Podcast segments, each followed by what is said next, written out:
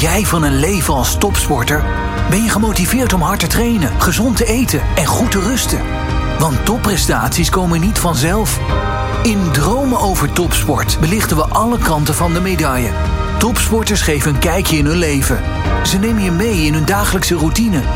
En ze laten je zien wat ze doen en laten om hun droom waar te maken. Welkom bij Dromen over Topsport. In deze podcastserie Powered by M-Line praten we met een topsporter over het zijn van topsporter. We krijgen een inkijkje in hun leven. Is het moeilijk om naar die ene topprestatie toe te werken en wat krijgen ze dan voor terug?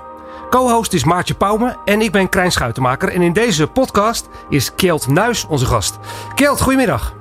Goedemiddag, hallo. Ja, uh, denk ik de, de, de trotse vlaggedrager van het, uh, van het Nederlands team, hè, straks in uh, Peking. Ja, superleuk. Echt een, echt een eer toen ze me belden om, om te vragen om dat te doen. We gaan het hebben over jouw leven als, als schaatser, als topschaatser. jij gaat als topschaatser al heel lang mee, hè? sinds 2010 volgens mij in de absolute top. Dat is al heel lang voor een schaatser, hè? Ja, jongen, ik hoor, ik hoor inmiddels bij de oude garde. Hè?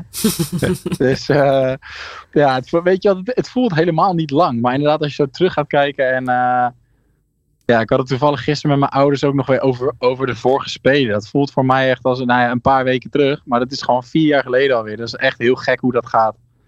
Ja. Maar uh, ja, ik voel me nog steeds jong, gelukkig. Dus dat is, dat is goed. ja, hartstikke goed. Uh, 32 ben je. Uh, uh, je gaat naar uh, Pyeongchang, Peking, om mee te doen op de, op de 1500 meter. Titelverdediger ben je daar. hoe is het met de vorm op dit moment, zeg maar? een redelijk korte tijd voor de Spelen? Ja, de vorm is echt goed hoor. Ik heb, ehm, als je het vergelijkt met dit voorseizoen, toen had ik wel een paar redelijke wedstrijden. Maar de laatste twee waren echt het beste. dat was de OKT, de 1500 meter, die was goed. En de afgelopen EK van afgelopen weekend heb ik, uh, heb ik gewonnen.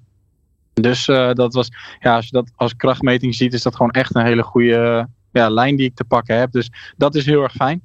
Ja, dus voor je gevoel uh, ben je zeg maar on track richting de Olympische Spelen? Ja, zeker. zeker. Mooi. Maarten, heb je iets met schaatsen? Ja, ik kijk het, uh, ik kijk het heel veel. Uh, ook afgelopen week inderdaad gezien. Dus ik heb uh, Kjeld ook zien, zien presteren. voor jou natuurlijk straks tweede spelen, Kjeld. Ja. Hoe is het, zeg maar, het verschil zeg maar, met daar nu naartoe leven en een jaar of vier geleden? Um, oh, goede vraag. Ik heb... ja, ik probeer het eigenlijk niet zo erg te vergelijken met elkaar. Omdat het... Ik had ja, ik had toen gewoon een hele andere. Ten eerste was het toen mijn eerste keer. Um, en toen had ik een, een andere aanloop. Ik had, uh, het jaar daarvoor hadden we daar bijvoorbeeld al het WK gehad, WK afstanden. Dat is bijna altijd het jaar voor de Spelen op de Olympische baan. Uh, dat kon nu vanwege corona niet, helaas. Dus zaten we vorig jaar hier in een, uh, in een bubbel in Heerenveen. dus dat verschilt. En ik had toen, zeg maar vijf jaar terug, werd ik twee keer wereldkampioen daar. Dat waren mijn eerste titels toen. Ik had nog nooit echt een grote titel gewonnen. Dus toen had ik het jaar erop echt zo'n gevoel van ja, ik hoef eigenlijk alleen maar hetzelfde kuntje nog een keer te doen. Op dezelfde baan, op dezelfde afstand. En ik wist dat, en dat zorgde ook voor een, voor een bepaalde druk, zeg maar. En ook een verwachtingspatroon van mensen om mij heen die dat hadden.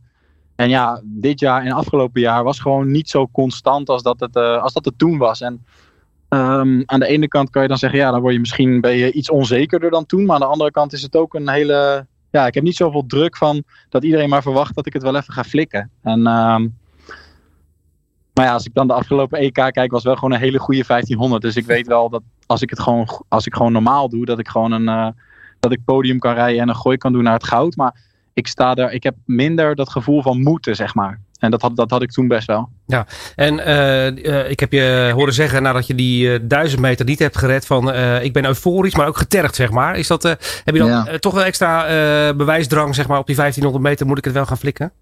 Ja, zeker. En dat, dat was vorige keer gewoon anders, omdat ik dat jaar had ik dit, bijna alle internationale duizend meters gewonnen. En ja, dat is nu niet zo. En nu heb ik de laatste twee 1500 meters waren gewoon mijn beste. Dus het, eigenlijk is die switch zeg maar, van de afstand is, ja, heeft wel plaatsgevonden. En um, ja, ik, ik kan gewoon nu niks meer met die gedachte van ja, verdomme, die duizend meter, dit die duizend, die, die is er gewoon niet. Die duizend meter heb ik niet. Dus dan kan ik wel, nou, daar ben ik wel even een weekje pistol van geweest. Maar ja, dat gaat mij niet helpen bij, uh, bij extra motivatie of zo voor die 1500 meter. Dus ik heb gewoon uh, mijn pijlen daarop gericht. En daar probeer ik me zo goed mogelijk op voor te bereiden. Zowel conditioneel als, als mentaal. En ja, dat ben ik aan het doen. Ja. Je bent hier niet in de studio, hè? Normaal gesproken hebben we gasten graag in de studio. Maar dat heeft te maken natuurlijk met het feit dat je nu heel druk bent met zo min mogelijk mensen zien, denk ik, hè? op weg naar de Spelen. Ja joh, het is uh, saaie bedoeling. Dus uh, ik lig as we speak in mijn uh, logeerkamer thuis in, een, in zo'n tentje. Ik heb zo'n hoogtetentje waar ik in slaap. omdat ik normaal gesproken nu in Colalbo zou zijn. Colalbo, dat is, ligt in, in Italië in de Dolomieten. Op hoogte. En um, ja, zelfs die reis hebben we niet aangedurfd vanwege, vanwege besmettingsgevaar. Dus uh, ja, is het een beetje. Een beetje. Het is een beetje behelpen. Ja, ja, ja precies. Maar, maar, dan lig jij, dan lig jij altijd uh, in dat tentje als je overdag ja. slaapt en s'avonds? Of, of, ja. Oké. Okay. En wat, wat, wat doet dat precies, zeg maar? Nou, het simuleert een beetje de. Of simuleert. Je, je, je stelt een bepaald apparaat in en dan gaat zo'n slangetje gaat die tent in. En dan kan je zelf de hoogte instellen. En je hoopt dat dat een beetje het effect in jouw lijf uh, ja, veroorzaakt dat je, dat je wat meer rode bloedcellen krijgt. En dat je, dat je eigenlijk het effect krijgt als dat je normaal naar hoogte zou gaan. En uh, de afgelopen jaren heeft dat altijd best wel goed uitgepakt. En daar pakte ik altijd tien dagen. En dat doe ik nu ook. Ja, maar je traint niet op hoogte, maar, maar rusten nee. op hoogte, zeg maar, uh, tussen aanhalingstekens op ja. hoogte, helpt ook ja. wel een beetje. Nou ja, wij trainden, als je, als je stel je vergelijkt met Colalbo, dan gingen we ook altijd bijvoorbeeld de berg af om, uh, om daar beneden in het dal te fietsen dus wat dat betreft is het redelijk hetzelfde. Maar je gaat het qua uren en qua omstandigheden natuurlijk never nooit uh, hetzelfde krijgen. Maar wel zo goed als. En dat is het nu, zeg maar. Um, ja, in deze tijd is dat uh, denk ik wel een beetje de key. Gewoon zo, zo goed mogelijk. Uh, ik denk dat niemand op- en top omstandigheden heeft die zich normaal gesproken. Ja, wat ze normaal gesproken hebben. Ja, uh, hoe, hoe, gaat dat? Even vraag me dan, uh, hoe gaat het in zijn werk, zeg maar? Komt er dan iemand van NOC NSF met een heel ingewikkeld apparaat en die gaat die tent in jouw logeerkamer installeren? Nee, hoor. Of uh, moet je nee, het gewoon nee. lekker zelf doen? Ja, nee, ik heb deze, de, Red Bull heeft dat voor mij gefixt. Die hadden gewoon gevraagd, ja, heb, kunnen we je nog ergens helpen? Ik bedoel, die zien mij ook natuurlijk niet zo vaak als normaal. Alleen, toen zei ik, ja, ik wil dit wel proberen. Dus dat heb ik vorig jaar heb ik dat geprobeerd. En ja, samen met, met onze sportarts en, uh, en de man van dit bedrijf. Dus hebben gewoon overlegd wat, uh, wat goed zou zijn als ik het met met, um, met de omstandigheden die ik normaal dan doe uh, wil, ja, een beetje wil nabootsen. En zo hebben we een plannetje gemaakt. En ja, ik, ik monitor mezelf gewoon elke dag. En zodat ik mezelf ook een beetje in de gaten hou. En bloed, bloedprikken bijvoorbeeld ook voorafgaand en na afloop. Om te kijken ja, of je niet te gek gaat of dat het überhaupt wel zin heeft. En ik, ik vind het echt super interessant ten eerste. En ten tweede, het is ook wel, klinkt misschien raar, maar ik vind het echt ontzettend rustgevend in zo'n ding. ja, het is gewoon lekker stil en je hoort gewoon dat ding, hoor je zo'n beetje suizen, als een beetje zo... Ja, mooi. Ja, mooi. Ja, het is best wel chill hoor. Dus je, je, slaapt daar heerlijk in, in dat tentje. Ja, ik slaap er heerlijk in inderdaad. Heb jij uh, contact gehad met uh, collega-sporters die bijvoorbeeld in Tokio erbij waren? Als het gaat om uh, voorbereidingen, zeg maar, richting toch wel een bijzondere speler. Nu waren dat natuurlijk zomerspelers. Zij moesten in allerlei, in sauna's ja. zelfs trainen. Ja. Nou, dat is bij jou niet het geval, gelukkig denk nee, ik. Nee, nee. Heb je contact gehad met, met collega-sporters? Nee, eigenlijk niet. Nee, nee, nee. Ik heb natuurlijk wel met name ook het wielrennen volg ik wel. En dat is ja, die moest natuurlijk ook een inspanning leveren onder bepaalde omstandigheden, zoals hele hoge luchtvochtigheid, hele warme temperaturen. En ja, dat gaat het gewoon bij ons niet zijn. Wij hebben gewoon een indoor sport en een ijshal waarin het, uh, ja, dat is in de echte goede stadions is het eigenlijk bijna overal net zo warm. Um, dus dat, dat, gaan wij gewoon nooit hebben. Nee. Maar ik kan me wel voorstellen dat, ze, dat zij zich daar heel erg, dat zij heel erg moesten acclimatiseren en dat het heel lastig is om. Uh, ja, inderdaad, als je die verhalen hoort dat mensen op een spinfiets in de sauna zaten, omdat dat gaat wel ver. En Ja. dat is wel, uh, ja, echt respect daarvoor. Ja, we gaan het straks hebben over uh, jouw weg richting 8 februari. Hè? Dan uh, 8, ja. 8, februari 18.30 uur. Dan start die 1500 meter. Ja. La laten we eens eerst even teruggaan naar het begin van jouw carrière. toen jij nog heel jong was. ben je op een gegeven moment dan ga je opschaatsen, zeg maar. Omdat je dat leuk vindt of omdat je dat gaat proberen. Hoe is dat bij jou gegaan? Nou ja, dat is misschien een beetje een een geromantiseerd verhaal. Want dat heb ik natuurlijk ook van horen zeggen van mijn opa en oma en mijn ouders. Maar ik had dat, als ik, als ik de foto's terugzie, ik was echt een jaar of drie. En toen was ik gewoon uh, echt gegrepen door de sport. Als ik daarnaar keek op televisie, dat ik dat als peutertje na ging doen. En dan sta ik uh, met mijn handen op mijn rug sta ik voor de televisie dat na te doen. En dat, oh, mooi. dat heb ik gewoon een soort van nooit meer losgelaten. En uh, nou, dus mijn pa die is van die onderbindertjes gaan kopen. En toen was ik daar gewoon, ik wilde dat de hele dag doen. Ik vond het super leuk. En ja, in de kamer ook tegen mijn, tegen mijn opa en oma ja, klaar voor de start doen, noemden ze dat dan. Dan moest ik gewoon, dan zat ik met mijn hakkie in de grond een putje te maken om daarin te starten, weet je wel. Ik vond gewoon alles van, van het schaatsen vond ik super mooi. En ja, dan ben je een jaar of uh, zeven, denk ik, zes of zeven. En dan ga je ja, op schaatsen inderdaad. Dan ben ik lid geworden van de ijsvereniging Leiden. Na een uh, georganiseerd scholenkampioenschap in Leiden. Het was een 200 meter baantje. Het stelde echt geen reet voor. Maar uh, ja, dat, dat, die wedstrijd had ik dan gewonnen. En toen ben ik, daarna ben ik lid geworden van die ijsvereniging. Ja, en dan ga je twee keer in de week of zo schaatsen, s'avonds. En uh, ja. ja, ik vond het gewoon heel erg leuk. En ja. ik had ook, we hadden echt best wel een leuke en goede club ook. Um, uiteindelijk, nou, heel veel jaren later zat ik bijvoorbeeld met uh, Roxanne van Hemert en Laurine van Riesen. Die komen allebei van mijn clubje. En daar, daar schaatste ik toen al mee, zeg maar vanaf mijn zevende, achtste. Dus dat is, uh, dat is best wel bijzonder. Dat ja, er uit een, uh, van één regio best wel veel goede schaatsers komen. En dan ben je een jaar of, denk ik, wat was het, 10, 12? 10, 11, 12. Dan ga je, dat baantje was gewoon te klein. Uh, dus toen zijn we naar de Uithof uh, uitgeweken. En dan, uh, dan ga je daar een keer in de week. En daarna twee keer in de week en drie keer in de week. Ga je op de Uithof schaatsen. Dat is dan een 400 meter baan. Maar dat vind je dan heel groot. En is een rondje heel ver. En ja, toen ehm, vanaf daar in het gewest. En vanaf het gewest in Jong Oranje. Vanaf Jong Oranje naar een commerciële ploeg. Toen bij, bij Jack de, de DSB ploeg. Toen de tijd. Ja, mooi. Heb je in die tijd, zeg maar, dat je bent gaan schaatsen, ja. uh, is het altijd bij schaatsen gebleven, zeg maar? Of ben je ook uh, andere sporten gaan beoefenen, een keertje voetballen of wat dan ook? Want in de winter wordt er geschaatst natuurlijk, in de zomer ja. zijn al die banen dicht. Nee, klopt. Ik, ik heb daar eigenlijk daarbij altijd heel veel geskate. wij woonden in Leiden vlak naast een skateparkje wat naast mijn school was. En ik had sowieso veel te veel energie. Dus ik ging s'morgens met mijn skates aan mijn stuur naar school. En ging voor schooltijd al even skaten. En dan hoorde ik vanaf het park hoorde ik de schoolbel. En dan uh, zat ik om half negen in de schoolbanken. En vanaf, uh, nou, als de school uitging, ging ik weer skaten. Ja, mooi. Dus dat, dat heb ik er altijd naast gedaan. En dat vond ik super leuk. Ik heb ook uh, daar altijd best wel veel vrienden aan overgehouden. En ja, ik vond dat wereldje gewoon heel erg leuk.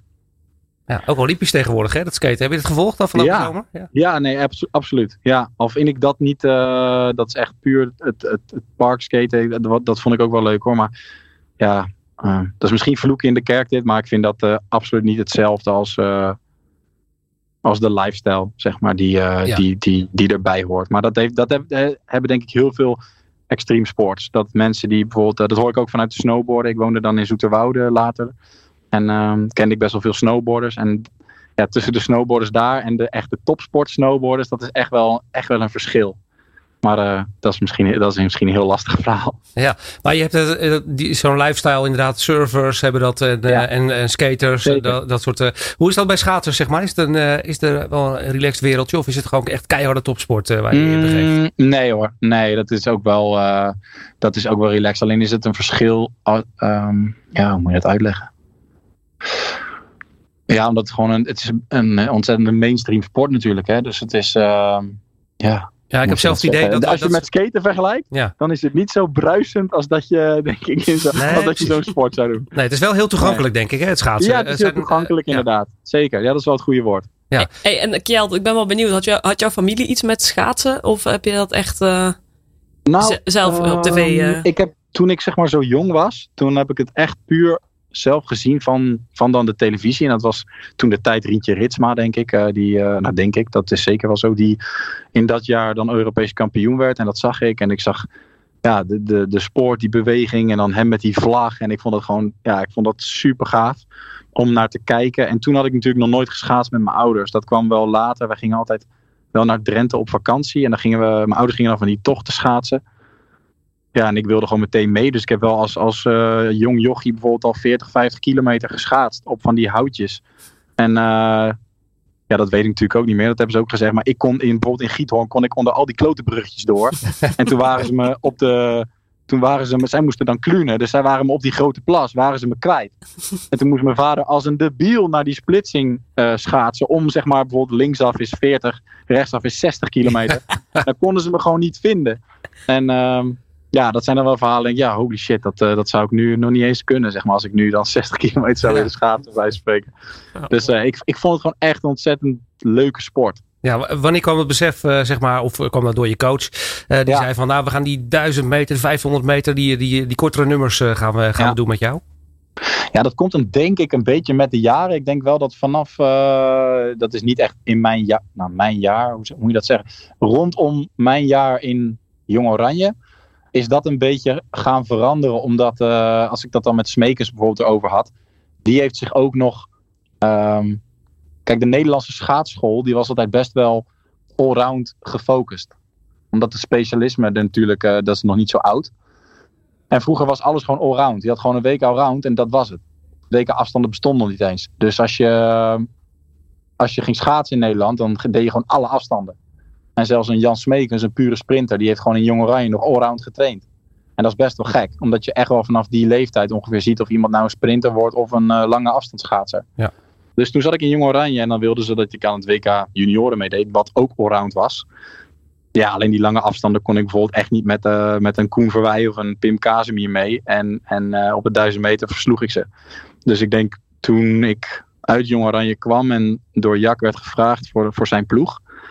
Ja, dan ga je je focussen. Dan kom je bij uh, Mark Tuitert, Stefan Groothuis, Simon Kuipers in de ploeg. En die, die zijn dan 1000, 1500 meter gasten. En vanaf dat moment ben ik me daarop gaan focussen. Terwijl daarvoor was alles eigenlijk allround. En nu zie je eigenlijk al ook vanaf de jeugd ook in de talentenploeg of in de gewesten, dat ze allemaal al, ja, ze kijken al beter of ze zien eerder dat, uh, wat voor afstand er bij wat voor type atleet hoort. En uh, ja, dat is wel goed, denk ik. Ja, had je dat gevoel zelf wel al snel dat je dat, nou, die korte, de korte afstanden zijn toch wel, is toch wel mijn ding? Nou, dat vind ik, uh, dat weet ik eigenlijk niet zo goed meer. Ik weet wel dat Jong Oranje toen de tijd, ik, ik vond het wel echt, ik vond het wel mooi. Alleen dat jaar was voor mij gewoon niet zo goed. Ik had toen, uh, in de, net toen de winter begon, kreeg ik een blessure. En helemaal aan het eind van het jaar ging het juist super goed. Want toen, toen won ik twee junioren World Cups. En toen daarna belde Jaak. Dus het was gewoon het was een heel raar jaar. En dat was toevallig dan de 1000 en de 1500 meter. Maar ja, ik vond het ook toen wel jammer, als ik eerlijk ben, dat ik niet aan een WK junioren heb meegedaan. En ja. Uh, ja, wat voor waarde je dan ook aan hecht, dat is voor jou dan op dat moment echt heel erg belangrijk. Dus ja, ik, ik heb dat altijd wel jammer gevonden dat ik die kant niet heb uh, ja, kunnen proberen. Ja, of heb geprobeerd. Maar is, dat, is dat nu zeg maar hè, bij Nederlandse schaats, is dat, wordt dat nu zeg maar in deze jaren toch al eerder gekeken dan toch te specialiseren? Of is dat nog steeds best wel allround? Nee, ik denk dat het wel. Uh, kijk, het allround is natuurlijk nog wel. Ook als je kijkt naar de, naar de podiums afgelopen jaren, dan domineert Nederland gewoon ontzettend. Omdat wij er heel veel. Wij hechten daar ook nog steeds wel waarde aan. Alleen andere landen zie je toch dat het specialisme. Ja, die denken, ja, we hebben daar gewoon meer kans. Dus die gaan zich of richten op een bepaalde afstand. En uh, waardoor het niveau van een afstand ook wel hoger wordt hoor. Dus dat is, dat is weer de andere kant. Maar uh, ja, ik denk toch ook de, de, ja, de belangrijke. Ja, toch de spelen. Ik denk dat toch de spelen ook echt super belangrijk zijn. Daar is geen allround. Daar zijn gewoon. Je moet het op één afstand doen. En um, dan is allrounder daarbij gewoon heel moeilijk. En daarom is bijvoorbeeld wat Patrick Roes nu doet, is gewoon echt, uh, dat is echt ontzettend moeilijk. Hij, iemand die, ja, als hij even een beetje doorrijdt, rijdt hij een 35 er op een 500 meter. En hij kan het 10 kilometer winnen. Dus dat is echt, dat is echt ontzettend bizar eigenlijk. Ja, ja. Uh, um, ongelooflijk eigenlijk, hè? Als je dat, uh, een, als je, nou, allrounder, het, de naam zegt ja, al. echt heel moeilijk. Echt een allrounder. Ja. hoe gaat dat? Uh, kijk, kijk naar Maartje, dan ga je op hockey, je komt bij een club en op een gegeven moment word je uitgenodigd uh, voor de Nederlandse jeugdteams. Is dat bij het schaatsen een beetje hetzelfde, zeg maar? Dan heb je ook nog gewesten en zo, hè? Hoe gaat dat in zijn werk voor de mensen die dat niet weten?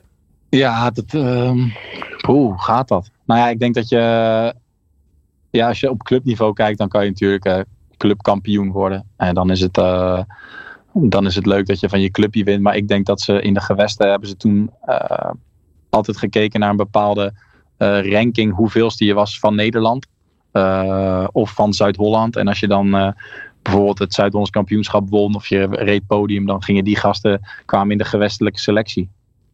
dus zo ging dat. Ja. En op een gegeven moment komt er een, een, een ploegleider, Jacques Horry, je noemde dus net zijn naam ja. al van een commerciële ploeg.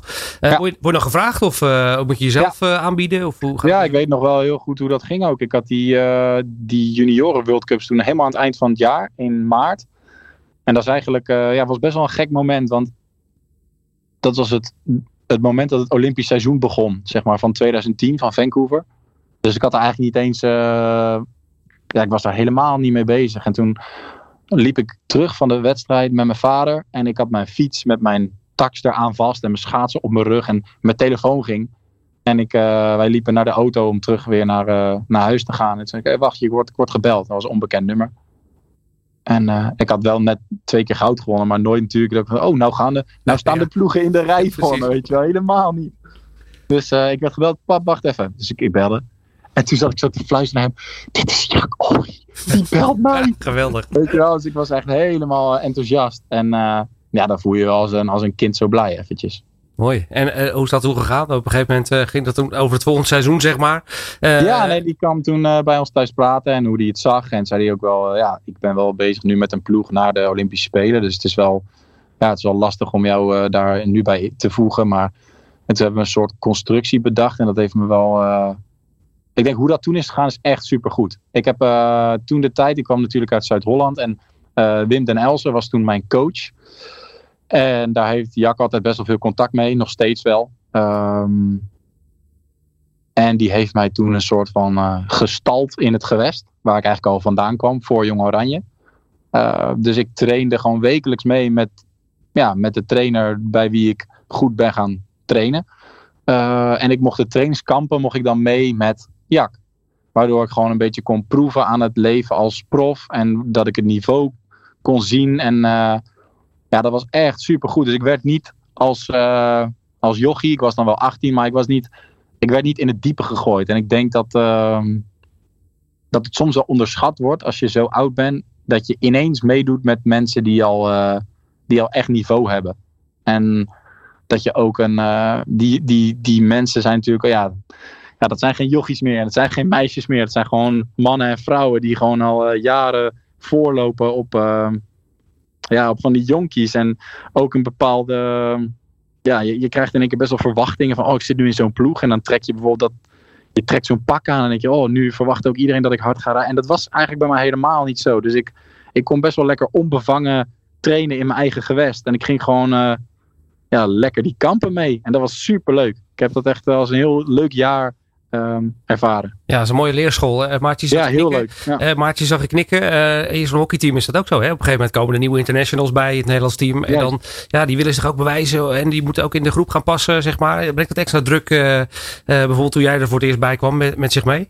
Ja, absoluut. Ja, ik, ik kwam ook op jonge leeftijd eigenlijk al bij het Nederlands team. Ik was volgens mij 18, 19 ook. En dan kom je in één keer in de, inderdaad in het Nederlands team terecht. Waar je eigenlijk jarenlang tegenop keek. En wat een droom was, zeg maar, om daarbij te komen. En uh, in één keer sta je met hun sta je op het veld. En dat, uh, ja, dat brengt ergens wel wat, wat extra druk mee. Maar dat is wel weer het fijne van een team, zeg maar. Teamsport. Dat je. Wij kwamen volgens mij in dat jaar met iets van vijf, zes meiden van Jong Oranje. Dus allemaal een beetje dezelfde leeftijd. Kwamen oh. na de Spelen van Athene 2004 kwamen er toen bij. Dus wat dat betreft heb je wel een paar meiden zeg maar, om je heen op dat moment die, uh, die in hetzelfde schuitje zitten als het ware. En uh, heb je toch veel aan elkaar. Dus dat vind ik wel weer het, het, het fijne en het mooie van de teamsport. En ik kan me voorstellen voor, uh, voor Kjeld, zeg maar, als je dan toch waarschijnlijk, ik weet het niet zeker, maar in je eentje zeg maar dan die stap maakt. is, dat ja. toch, is dat toch wel anders, denk ik. Ja, dat, ja, je kan je natuurlijk, ik denk dat qua trainen met jou en mij niet echt verschilt. Maar misschien voor jou dan in het veld en voor mij op de baan, dat, dat is het denk ik wel anders. Je staat uiteindelijk wel ja, in je eentje in de baan en dan voel je wel echt zo, fuck, nou moet ik mezelf wel laten zien. En ja, dan, dan heb ik geen steun en hoe jullie in het team zeg maar, op elkaar bouwen. Ik heb er dan, dan heb ik niemand meer om me heen, zeg maar. Nee, precies. Uh, ja, dat was bij ons natuurlijk dan. Dan had je wel echt iets aan elkaar, zeg maar. En, ja, precies. Uh, de, de een vond het juist heel fijn, de ander wil juist ja, wat meer alleen voorbereiden. Dus ja. daar is het ook wel weer een verschil. Maar heb jij mm -hmm. iemand gehad die jou, die jou begeleidde? Of uh, op mentaal vlak dan vooral? Ik heb altijd aan Mark Tuitert echt heel veel gehad. Okay. En die heeft mij sowieso wel. ja, heb van hem nooit gevoeld, ook toen ik zeg maar goed werd, dat jaar dat, dat hij uh, zo van, oh ik voel me echt bedreigd door hem. Die heeft mij altijd wel geholpen. Hij was ook, uh, ik kocht toen een huis en dat was schuin tegenover hem. En dus ik reed bijvoorbeeld altijd naar de trainingskampen, reed ik met hem mee. En ja, als ik iets met, mijn, met mijn materiaal had, dan hielp hij mij. En uh, ja, hij werd natuurlijk dat jaar werd hij Olympisch kampioen. En dat was ik, ja, als je dat dan van dichtbij meemaakt, dat was wel, ja, was gewoon super vet. Ja, mooi. En uh, ik heb het ook wel heel, ja, altijd heel leuk en gezellig met hem gehad. En uh, natuurlijk keek ik in het begin wel tegen hem op, maar ja, daar heeft hij nooit, uh, dat heb ik, ja, denk dat, was gewoon een hele goede band hadden wij. Ja, hebben jullie nog veel contact? Want hij, uh, jij ja. gaat nog steeds, hij is analist bij de NOS onder meer. Ja, ja hoor. En dan is het ook gewoon, als een kleine korte appjes zijn het maar. Het is echt niet dat ik uh, wekelijks met hem aan de telefoon hang, maar hij is wel, uh, ja, het zijn soms de kleine berichtjes die het hem doen. Ja. En uh, dat is wel fijn. Mooi. Uh, team Rechtborg, hè? dat is uh, jouw huidige, huidige team, ja. zeg maar, van, van Gerard van der Velde als, als ja. hoofdcoach. hoe is het om in zo'n team te functioneren? Want je zegt net zelf van, ja, ik sta op die banen, dan moet je toch in je eentje doen. Maar is het wel fijn mm -hmm. om in een team te zitten, om deel uit te maken van een team?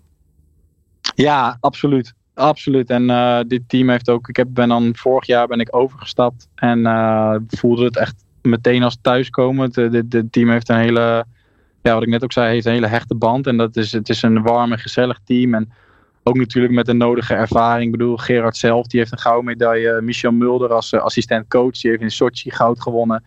Irene Wust is toen datzelfde jaar meegekomen, wat echt ontzettend... Uh, ja, dat is, ook, ook echt een beuker. En daar hebben we ook heel veel aan. Nou, die heeft natuurlijk, ja, daar hoef, je, daar hoef ik niks van uit te leggen. En die, die weet ook alle ins en outs en alle kneepjes van het vak. Dus dat is echt ontzettend leuk. Mooi. En ja, nu gaan we met een uh, mooie ploeg gaan we... Oh, en Hein natuurlijk. Hein is er dit jaar bijgekomen. Nou, dat is wat, als ik net over het gewest uit Holland kwam. Hij kwam uit diezelfde groep van Wim den Elzen dan. Ja. Waar ik in, uh, tot, tot 2009 in heb getraind. En uh, op de Uithof altijd samen geschaatst. Ja, dat is echt ontzettend leuk. Dat is wel oude jongens krentenbrood samen. Ja, mooi. Uh, en qua begeleiding, zeg maar, moeten ze jou nog veel vertellen als nou ja, ervaren topsporter, zeg maar, als het gaat om nou ja, arbeid, rust en dat soort dingen? Want je krijgt schema's, neem ik aan, hè, van je ploeg. Ja, ja, nee, zeker. Alleen dat is wel, um, ik denk dat dat nu iets meer in overleg gaat. En dat merk ik wel. Gerard is wel iets meer van overleggen en kijken naar de persoon dan dat ik gewend was bij, bij Jack. Het is, dat is toch iets meer van de cijfertjes en ja, hoe zeg je dat? Even simpel gezegd, gewoon, uh, die bekijkt het veel wetenschappelijker. Dus uh, dan ben je gewoon een soort van, uh, ja, niet een, niet een robot, maar dan, ehm, je zit daar gewoon veel vaker op de fiets om dingen te testen. En dan, dan kijkt hij daar van, oké, gaan we meer of minder doen of weet ik veel wat. En nu is het iets meer in overleg en iets meer op gevoel, heb ik het idee. En wat vind jij het zelf het fijnst? Nou ja, dat is nu makkelijk lullen, want ik, ga, ik zit heel lekker in mijn vel en het gaat goed. En ze zeggen, ja, dit is nu beter, maar ik weet niet of het een beter is dan het andere. Het is gewoon, ik, ik ga hier heel lekker op. En het feit dat, je, dat er aan je gevraagd wordt wat je er zelf van vindt en dat je dingen in overleg kan doen, dat voelt wel heel fijn. Ja, ook omdat ik, ik ben, ik ben nu gewoon in een andere fase. Ik, ben, ik was toen, ik kwam bij Jak, ik was 18 en dan kijk je tegen iemand op. En niet alleen bij de mensen waar je naar schaats, maar ook iemand die iets vertelt. Denk ik, oh, alles wat hij zegt, dat klopt toch wel. Mhm. Weet je wel, dan doe je het maar gewoon. En uh, ja, nu twaalf jaar verder, denk je soms ook, ja, hij schrijft nu dit op. Maar ja, ik heb vorige, vorige week dit en dat en dat gedaan. Ik heb daar een uurtje meer gepakt. Zal ik misschien vandaag in plaats van dit, zal ik dat doen? Nou, dan bel ik hem wel op en dan kunnen we daar samen over brainstormen. En dan kom je tot een idee. Ja. Uh, maar dat is niet, ja, dat hangt niet alleen maar af omdat het een andere omgeving is. Maar dat hangt ook af van de fase in je carrière, denk ik. Ja, mooi. En uh, als je nu het hebt bijvoorbeeld over uh, zaken als arbeid, rust en dergelijke. Ja. De, de, podcast is niet voor niks powered by M-Line, zoals we dat al mooi zeggen. Ja. ik heb wel zwemmers horen zeggen, in de week voor een toernooi doe ik echt helemaal niks meer. Ik, kom niet eens, ik loop niet eens naar de koelkast bij wijze van spreken. Hoe is dat, hoe is dat bij jou en bij schaatsen? Zit al... Um, nou, vind, vind ik lastig. Ik heb, um, zoals deze twee weken, wil ik, wil ik, dit zijn best wel lastige weken. Ik kan natuurlijk na de OKT wil je sowieso het mentale, dan, dan daar heb je echt naartoe gewerkt. Dan misschien wel een jaar, dan je één speerpunt op de agenda. Zo van oké, daar moet ik vlammen. En dan een week daarna staat er alweer een EK op het programma. Um, en dan kan je natuurlijk niet je, je, je trainingsblok beginnen en, uh, en dan weer verwachten dat je gaat pieken. Dus dat is een beetje, het is inderdaad een beetje knippen en plakken. En dat is wat ik net zei over dat overleggen. En dat is echt wel soms wel met de dag kijken van wat gaan we doen. Uh, soms kan je een heel mooi plan op papier zetten. En, uh, of cijfertjes invullen of weet ik veel wat. Maar als je die dag gewoon echt ja, op je tandvlees loopt. Dan kan je niet een intensieve intervaltraining gaan draaien. Wat je eigenlijk van plan was. Uh, anders ga je gewoon naar de kloot. Om het zo maar even bot te ja. zeggen. En um, ja, en over, over de rust ook. Ik probeer dan. Uh, ja, nu lig ik dan in die tent. En dat is eigenlijk. Word ik dan gedwongen. Omdat ik er dan um, zoveel uur in moet liggen. Um, om gewoon wel even lekker te gaan te gaan liggen of te gaan slapen. En of je dan slaapt, dat, is, uh, dat maakt dan niet eens uit. Maar dat is wel, in zulke weken merk ik dat het heel belangrijk is. Ik, ik slaap nu bijvoorbeeld heel veel. En dat komt echt niet doordat ik zo super hard train. Maar doordat de afgelopen weken gewoon, uh, ja, toch ook best emotioneel waren. En best, uh, ja, die spanning, dat, dat ja, eist zijn tol. Klinkt een beetje zwaar, maar het is wel. Ehm, je moet het ergens ook even loslaten. En um, die, die spanningsboog kan niet een maand lang ja, gespannen zijn, zeg maar. Ja. Dus, en dat merk ik nu dat ik ik train gewoon, ik doe gewoon een beetje de basisdingen. Dus ik ben uh, vanmorgen hebben we lekker geduurd op het ijs. Ik ga straks ga ik twee uurtjes fietsen. En dan, dat is eigenlijk wat je in een zomer ook doet. Gewoon een hele normale week. Ja, en daar hoort, uh, daar hoort rust ook wel bij. Dus, en juist door mijn tentje, daar ga ik, daar ga ik er vroeg in. Dan lig ik om tien uur lig ik plat. En dan gaat om acht uur weer de wekker. En dan heb ik wel echt genoeg uren gemaakt. Ja, mooi. Um, maar inderdaad, maar je hebt er geen schema voor, zeg maar. Van, ik, je gaat eigenlijk meer op gevoel acteren dan, dan in het verleden. Ja, absoluut. absoluut. Ja, ik heb het idee een beetje dat je als schaatser, je bent nu in een drukke periode, hè? je hebt OKT ja. gehad, Europese kampioenschappen, spelen komen eraan. Dat je een soort van twee levens leidt. Hè? Want je hebt het schaatsseizoen en het niet-schaatsseizoen, zeg maar. Hoe, hoe, hoe, hoe, hoe, voel je dat, zeg maar?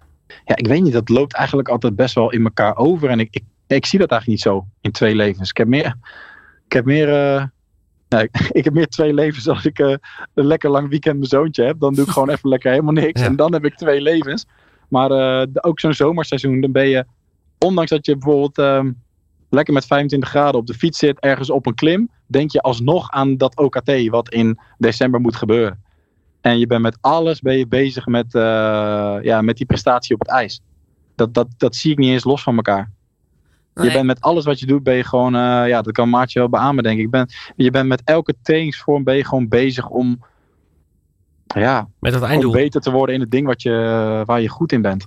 Ja. ja, je zei net al, het is een spannende periode geweest. Uh, daardoor slaap je nu wat meer. Uh, ja. wat, wat doe je, uh, hoe ga je met die spanning om, zeg maar, tijdens die periode? Is er afleiding? Want je, ja, zeker de afgelopen twee jaar zit je in een soort van bubbel. Dan moet je presteren. Je kan niet even een uitstapje maken om eens even te nee. gaan, gaan bolen of noem maar wat, voor iets geks. Nee, dat klopt. Nee, dat klopt. Maar ik denk, ja, ik noemde dan net mijn zoontje. Dat is wel echt niks, niks kan daar tegenop. Ik bedoel, al ben ik nog zo zenuwachtig of al ben ik nog zo ja, uh, als, je, als ik me over dingen druk maak, hij, uh, hij ziet dat ook en voelt dat ook. En dan, dan uh, heeft hij me met één zin of met één ding te zeggen. Of kom, we gaan nu dit of dat. En dan ben je aan het spelen met weet ik dan, weet ik het wat. En dat is gewoon, dat is echt het lekkerste wat er is. Om, om je gedachten even helemaal ja, uit te zetten. En gewoon even lekker papa zijn. Ja, en hoe, hoe doe je dat zeg maar nu dan? Hè? Die, die laatste weken voor de Spelen is natuurlijk echt ja. uh, heel veel tijd uh, in je Zeker. voorbereiding. Maar hoe doe je ja. dat dan zeg maar in combinatie ook met, met je zoontje, wat natuurlijk ook uh, veel ja. aandacht vraagt? Ja, klopt. Ik, daar helpen mijn ouders ook wel bij. Bijvoorbeeld de, de, afgelopen keer vond ik het eigenlijk best wel spannend om, om dan op vrijdag tot, tot en met zondag, ja, dan gaat die maandagochtend weer naar school. En zo'n school, dat noemen ze ook wel eens dan ja, hoor je om je heen, ja, is toch een brandhaard en dit en dat en besmetting en en zo. En dan ja, het enige wat ik dan kan doen is, is uh, dat we een testje doen. En uh, hetzelfde met mijn ouders, dat geldt daar ook voor. Um, maar ja, langer, op een gegeven moment is het ook, ja, als ik hem niet zie, dan word ik ook ongelukkig. Dus uh, het is of het een of het ander. En dan, dan moet je af en toe gewoon een risico nemen. En ja, dan, dan kies ik toch om hem wel te zien. Ja, kan, ja. kan ik me goed Mooi. voorstellen. Ja. Ja. Want je hebt het ook gewoon nodig als vader. En, uh, nou ja, absoluut. Het is het straks ook weer. Dan ben ik een maand en dat is, een maand is gewoon eigenlijk veel te lang. Dat is, uh, dat is gewoon echt niet leuk. En soms is een, een trainingskampje van tien dagen is nog net leuk. Maar uh, de, ik, ja, een maand is gewoon veel te lang. Ja. Ja, Beijing. Uh, Peking komt eraan. Als je nu terugkijkt op 2018, zeg maar, wat er daarna gebeurd is, na die twee uh, gouden medailles. Uh, ja. was, was, het ook een mooie tijd? Je zei van nou, het voelt nog als, als een paar weken geleden, ja. zeg maar. hoe kijk je ja. terug, zeg maar, op die periode? Nou, ik ben ten eerste, ben ik, als je het vergelijkt met de tijd van nu, ben ik ontzettend dankbaar. En voel ik me, dat, ik, dat ik het op zo'n manier heb mogen meemaken. Ik kan me voorstellen dat als mensen ehm, nou dat kan ik me niet voorstellen, want zij weten dat niet. Maar stel je plaats je nu voor het eerst voor een spelen en je komt daar aan in een soort uh, kamp. En je moet in een rij staan om je te testen door mensen die helemaal ingepakt zijn. En met, uh, het is gewoon zo super streng. En je bent eigenlijk alleen maar met corona bezig. In plaats van dat je geniet van hoe mooi het is om in een Olympisch dorp ja, je te bewegen. En van, de, ja, van een sprookje te genieten bijna. En nou heb ik natuurlijk makkelijk lullen omdat ik met twee keer goud thuisgekomen ben. Maar ik heb dat echt als iets ontzettend moois ervaren. En dat, dat gaat nu gewoon anders zijn. En een, een, de, een kolkend Holland Heinekenhuis. Ja, daar kan gewoon niks tegenop. Nee, dat, En als je dan onder een soort haag van mensen die voor jou staan te klappen door mag. En mensen zijn lekker half dronken. En aan het eind van de avond ben jij ook dronken. En dat is gewoon ja, dat, je, dat, je, dat je je geluk viert. En dat je je prestatie viert. En dat, dat kan nu gewoon straks niet. Dus als ik terugkijk, dan denk ik, ik heb dat maar mooi meegemaakt. Ja, mooi. Heeft, Ja. heeft het je ook veranderd als, eh, als sporter? Zeg maar, eh, dat, ik kan me voorstellen, je werkt naar die Olympische Spelen toe. Je hebt die gouden plakken. Dat je eh, ja, er anders in staat vanaf dat moment. Nee, dat, dat heb ik niet. Dat heb ik niet. Ik heb, ehm, ik heb nog steeds als ik een seizoen begin, dat ik, of nou als ik klaar ben, dat ik denk, oh, ik ga zo snel mogelijk weer fietsen, want dan heb ik een lekkere, dan, dan lig ik al lekker voor op de rest. Of dat ik, eh, als we dan in, in oktober na een trainingskamp in Insel de eerste trainingswedstrijden moeten rijden en ik eh rij een duizend meter, dan ben ik de hele dag alweer zenuwachtig. Terwijl we gaan dan in een leeg stadion, bijna in de zomer gaan we een wedstrijdje rijden, wat nergens over gaat. En ergens is dan toch zo'n stemmetje in je hoofd die zegt: Kan je het nog wel? Weet je wel? Of dat je denkt van: Oh, ik, ben, ik hoop maar wel dat ik goed rij. Of dat ik. Terwijl het gaat helemaal nergens over. En dan kan je zoveel medailles hebben of zoveel titels. Maar ja, ik heb dat gewoon nog. Dus ik ben echt voor de stomste, kleinste dingen nog steeds heel erg zenuwachtig of gemotiveerd, of hoe je het ook noemt. En Ja. ik denk, zolang ik dat heb, eh, ga ik ook door met deze sport. Mooi, ja. En je hebt ook een gek record op je naam, hè? In, eh, in, eh, ik noem het een gek record, maar het, het is Ja, natuurlijk wel een beetje klopt, ja. achter een auto aan het schaatsen op een Zweedse meer, zeg maar. Hè? Ja. Ja. Vertel eens. Nee, dus, ja, je bent er eigenlijk een beetje. Ja, ik, dat, mag, dat mag ik niet zeggen, maar ik. ja, ik, eh, Oké, laten we dit hier even bij houden. Ik heb, ik, ik, ik heb niks gezegd. Even Jij gaat, terug. jij gaat Ja, het weer doen. Jij gaat het weer doen? Of, eh. Die gesprekken gaan wel, ja. En eh, en daar zijn we best wel ver mee met een, met een bepaald plan. En ik weet nog niet of, dat, of het er echt van gaat komen. Maar ik, we zijn wel echt met iets mega vets bezig. Want ik wil gewoon nog een keer over die 100 kilometer. En eh, Wow. dat gaat me domme lukken ook. ja, waar, eh, waar zat je nu op bij de vorige poging? 93. ja, 93. 93. Ja, dat is al gigantisch hard, hè? Kan me Ja, niet dat- voorstellen dat hoor. Dat je dan. heel eh, hard. Ik heb, ik heb me er ook eh, in eerste instantie ook wel op verkeken hoor. En ik denk ook eh, dat, dat toen de mensen die er allemaal bij waren en die hebben geholpen, dat ze ook zoiets hadden. Ja, natuurlijk is het hard, maar het, er komt nog wel wat meer bij kijken dan. Oh, we halen even de luchtweerstand weg. Dan kan je. Ja. Dan is er geen grens meer of zo. Het was echt, het was best wel lastig. We hebben best wel wat hoop moeten aanpassen om uiteindelijk nog tot zo'n snelheid te komen. Ja, maar je bent eh, wel eh, daarmee bezig dat je denkt van nou, 93, die 100 is misschien wel haalbaar. Oh, ik denk dat het kan. Ja hoor, echt wel. Ja. Ik weet nog wel, ik heb het ook een keer op, eh, op het snowboard gedaan. Dan had je ook van zo'n app en Oh, was een snelheidmeter. En dan was het echt op de berg boven sta je en dan ga je gewoon recht naar beneden. En ik Ja. moest en zou zeg maar over die 100 km per uur gaan. Maar Ja. ik zie me nog staan met zo'n klapperend snowboard zeg maar. Ik dacht echt, Oh. oh, hoe, hoe, hoe kan ik dit in godsnaam doen als ik daar nu ook over terugdenk. Maar Ja. ik, ik zal aan je denken. ehm, Maar hoeveel weer heb je dan gehaald, eh, Maartje, als ik vraag mag? Ik zat wel op de 100. Je hebt wel 100 Ja. gehaald. Ja. en echt, ik stond te trillen op mijn, op mijn benen Ja, beneden. Maar het het was wel eh, het, was het waard. Ja. Dat, is, ik, dat, is mij, dat, dat is mij nou nog nooit gelukt. Nee, Vooral maar, achteraf, zeg maar. ja, Ja. maar, die, maar die 100 ga je daar. Ja, je bent nu heel druk met de voorbereiding richting Ja. de Spelen. Gaat dat Ja, weer, dat gaat is dat weer gebeuren, zeg maar, als dat eenmaal voorbij is? eh, als het 20 Nou, ik heb, februari het is wel, geweest? ik heb het wel bij, eh, bij Red Bull aangegeven. Ja. Ik bedoel, dit jaar was natuurlijk heel gek. En we hebben relatief weinig kunnen doen. eh, samen qua projecten natuurlijk. En ik heb gewoon aan mogen geven wat ik heel graag zou willen. En eh, daar, ze- daar, daar zijn ze mee bezig. Dus eh, ik hoop dat ze me na de Spelen bellen en zeggen... joh, we gaan met z'n tweeën... Of we gaan met z'n tweeën. We gaan eh, om tafel om te kijken hoe we dit kunnen doen. Want het, ja, het vergt wel de nodige voorbereiding. En ze zijn er toen ook volgens mij echt een half jaar mee bezig geweest. Want ze moeten natuurlijk ook met die gemeente daar. En met alles, alles moet daar naartoe. En met het... Ja, het was niet even, kom, we gaan daarheen. We gaan met een auto op een meer schaatsen ergens. Dat, dat, Ja. Ten eerste mag het niet. En ja, dat was best wel lastig. Dus... eh, maar ja, nogmaals, ik hoop echt dat ik nog een keer de kans krijg. En dan ga je dan wel tijdens je carrière doen of daarna? Oh, jawel hoor. Dat, als ze nu eh, zeggen we gaan dat in maart doen, dan ben ik erbij. Oké. Geweldig. nou, we hebben eigenlijk een klein pri- primeurtje. Dus eh Nou, heel misschien. Kjeld gaat voor de 100 km per uur. Ja. Ja. Ja, Kijk maar. We gaan het in de gaten houden vanaf nu. Dat is goed. Ehm, ehm, ja, 4 februari, dan is de opening van de Olympische Spelen. Je bent de vlaggedrager. Ben je dan Ja. iemand die van tevoren alles al wil weten? Eh, Kom maar met dat draaiboek en eh, hoe zitten die opening in elkaar? Of zeggen van nou, ik laat het een beetje over me heen komen. Nee hoor, nee, dat, ben ik, dat laat ik gewoon op me afkomen. En ik, eh, ik heb eh 8 februari onderstreept op de agenda. En dan gaan we vlammen. En eh, die vierde gaan we gewoon eh, proberen van te genieten. Dat is het ook. Ik ga gewoon, eh, dat is zo'n moment. En dat, dat hoop ik dat dat ontzettend leuk wordt. En ehm, dan gaan 5 februari gaan die oogkleppen wel weer op. Maar we gaan van de vierde gaan we gewoon lekker genieten. Ja, de vierde genieten. Dan heb je nog een paar dagen om bij te komen. 8 februari, dan, dan is het zover. 18.30 uur lokale tijd, hè? dus dat is bij ons heel vroeg. Oké, nou, we gaan het zien. Zitten we voor de buis. Mooi. Ehm, in je tentje de komende dagen nog. Wanneer ga je vertrekken? 26 februari gaan we weg. Uh, januari, ja precies. Oh, sorry, januari. Ja, 26 januari gaan jullie uh, 26 januari, ja, zullen we dat doen? Richting, uh, richting, richting Beijing. Ehm, vanmiddag fietstraining. Gaan er nog veel fietstrainingen volgen voor die tijd? Of blijf je toch ook wel een beetje relaxed? Je zegt, ik ga even op die M-line matras om eens even bij te, bij te komen.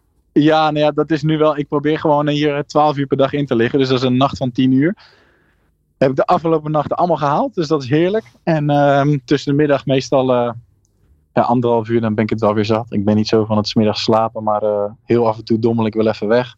En dan uh, inderdaad de komende dagen zijn wel nog de dagen dat ik nog even kan trainen. En daarna neem ik weer terug qua omvang. En dan ja, snel worden, scherp worden en dan, en dan knallen. Hartstikke goed. Keelt Huis, dankjewel uh, dat je in je tentje uh, eventjes een uurtje voor ons uh, vrij hebt gemaakt. ja, graag gedaan. Het klinkt alsof je op de camping zit. Maar wij, gaan, wij gaan van je genieten op 8 februari. Heel veel succes, nou, Allebei bedankt. Yes. Dankjewel. Bedankt voor het luisteren naar Dromen over Topsport. Een podcastserie van All Sports Radio en M-Line. Sleep well, move better. Kan je geen genoeg krijgen van verhalen van de Nederlandse sporttop? Kijk op www.mline.nl slash podcast of ga naar M-Line Spotify en blijf op de hoogte van de nieuwste afleveringen.